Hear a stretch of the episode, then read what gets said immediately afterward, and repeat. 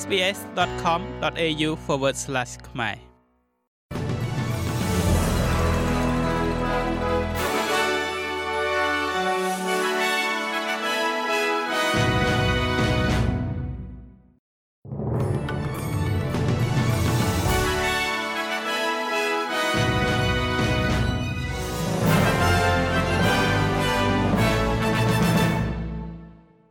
សូមស្វាគមន៍មកកាន់នេតិព័ត៌មានខ្លីៗរបស់ SBS ខ្មែរសម្រាប់ថ្ងៃអង្គារទី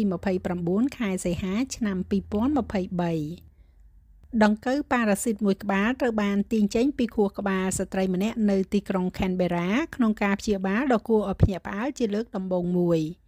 អ្នកស្រាវជ្រាវនៅសាកលវិទ្យាល័យជាតិអូស្ត្រាលីនិងមន្ទីរពេទ្យ Canberra បានរកឃើញដង្កូវមូលដូចជន្លែន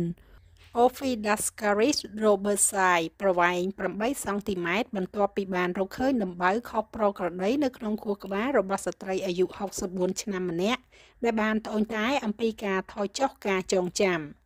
គ្រូពេទ្យជឿថាស្ត្រីនេះចាប់ដង្កូវនោះនៅពេលដែលគាត់ដកស្មៅនៅជិតផ្ទះរបស់គាត់បន្ទាប់ពីពស់ថ្លាន់បានជូរអាចតាក់វាគឺជាករណីឆ្លងមេរោគ Ophidascaris robertsii លើមនុស្សជាលើកដំបូងគេមិនធ្លាប់មានពីមុនមកវិជ្ជបណ្ឌិតសាន់ចាយាសេណានីគីបានប្រាប់ទូរទស្សន៍ប៉ុស្តិ៍លេខ10ថាអ្នកជំងឺបានជាសះស្បើយឡើងវិញហើយចាប់តាំងពីនីតិវិធីដកយកដង្កូវនោះចេញរួចមក។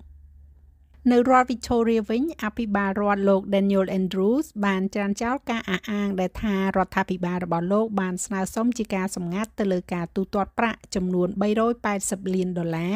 ដើម្បីលុបចោលការប្រកួត Commonwealth Games ឆ្នាំ2026ការស៊ើបអង្កេតរបស់សហព័ន្ធទៅលើការលុបចោល Commonwealth Games បច្ចុប្បន្នកំពុងតែស្ដាប់ផុសតាងពីអ្នកនយោបាយនិងមេដឹកនាំសហគមន៍មួយចំនួន។ នៅថ្ងៃនេះលោកអភិបាលរដ្ឋ Andrews ត្រូវបានសាកសួរអំពីផុសតាងដែលផ្ដល់ដោយមេដឹកនាំ Commonwealth Games អូស្ត្រាលីចំពោះការស៊ើបអង្កេតដែលបាននិយាយថាពួកគេមិនបានស្នើសុំកិច្ចព្រមព្រៀងសម្ងាត់នោះទេលោក Andrews និយាយថារដ្ឋាភិបាល Victoria មិនបានស្នើសុំនោះទេហើយអះអាងថាការដែលមិនអាចបង្ហាញព័ត៌មានលម្អិតនៃដំណើរការចរចា គឺជានីតិវិធីស្តង់ដារ ពាក់ព័ន្ធជាមួយនឹងការធ្លាក់យន្តហោះនៅ Darwin វិញទាហានម៉ារីនអាមេរិក3នាក់ដែលបានស្លាប់នៅក្នុងការធ្លាក់អធម្មភេកជ្ជៈអំឡុងពេលសមយុទ្ធយោធានៅតំបន់ភាគខាងជើងនោះត្រូវបានគេកំណត់អត្តសញ្ញាណហើយឧទ្ធម្ភេកជ្ជៈបានធ្លាក់ក្នុងអំឡុងពេលវឹកហាត់នៅលើកោះ Melville ភាគខាងជើងនៃទីក្រុង Darwin កាលពីថ្ងៃអាទិត្យទី27ខែសីហាកាពីតាន Eleanor Lebo នៃពលបាលត្រី Spencer Collett និងវីរៈសេនីយ៍ត្រី Tobin Lewis បានស្លាប់ហើយមនុស្ស20នាក់ផ្សេងទៀតនៅលើយន្តហោះដែលសុទ្ធសឹងតែជាទាហានម៉ារីនអាមេរិកបានរងរបួស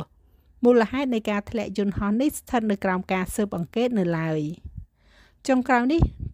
របាយការណ៍ថ្មីមួយពីវិទ្យាស្ថាន Pentington បានរកឃើញថាការប្រើប្រាស់ថ្នាំលើសកម្រិត គឺជាមូលហេតុនាំមុខគេនៃការស្លាប់នៅក្នុងប្រទេសអូស្ត្រាលី។ របាយការណ៍នេះបានរកឃើញថាមានមនុស្សស្លាប់ចំនួន2231នាក់ដែលបណ្ដាលមកពីការប្រើប្រាស់ថ្នាំលើសកម្រិតនៅក្នុងឆ្នាំ2021ថ្នាំជាទូទៅបំផុតដែលត្រូវបានគេរកឃើញនោះគឺជាថ្នាំអាភៀនលោក Robert Taylor មកពីមូលនិធិឱសថអូស្ត្រាលីនិយាយថា ភាគច្រើននៃការប្រើប្រាស់ថ្នាំលើសកម្រិតដែលត្រូវបានរាយការណ៍នេះគឺជាការប្រើប្រាស់ដោយអចេតនាហើយត្រូវតែមានការដាក់វិធានការឲ្យកាន់តែប្រសើរឡើងដើម្បីការពារពួកគេចុច like share comment និង follow SPS ខ្មែរនៅលើ Facebook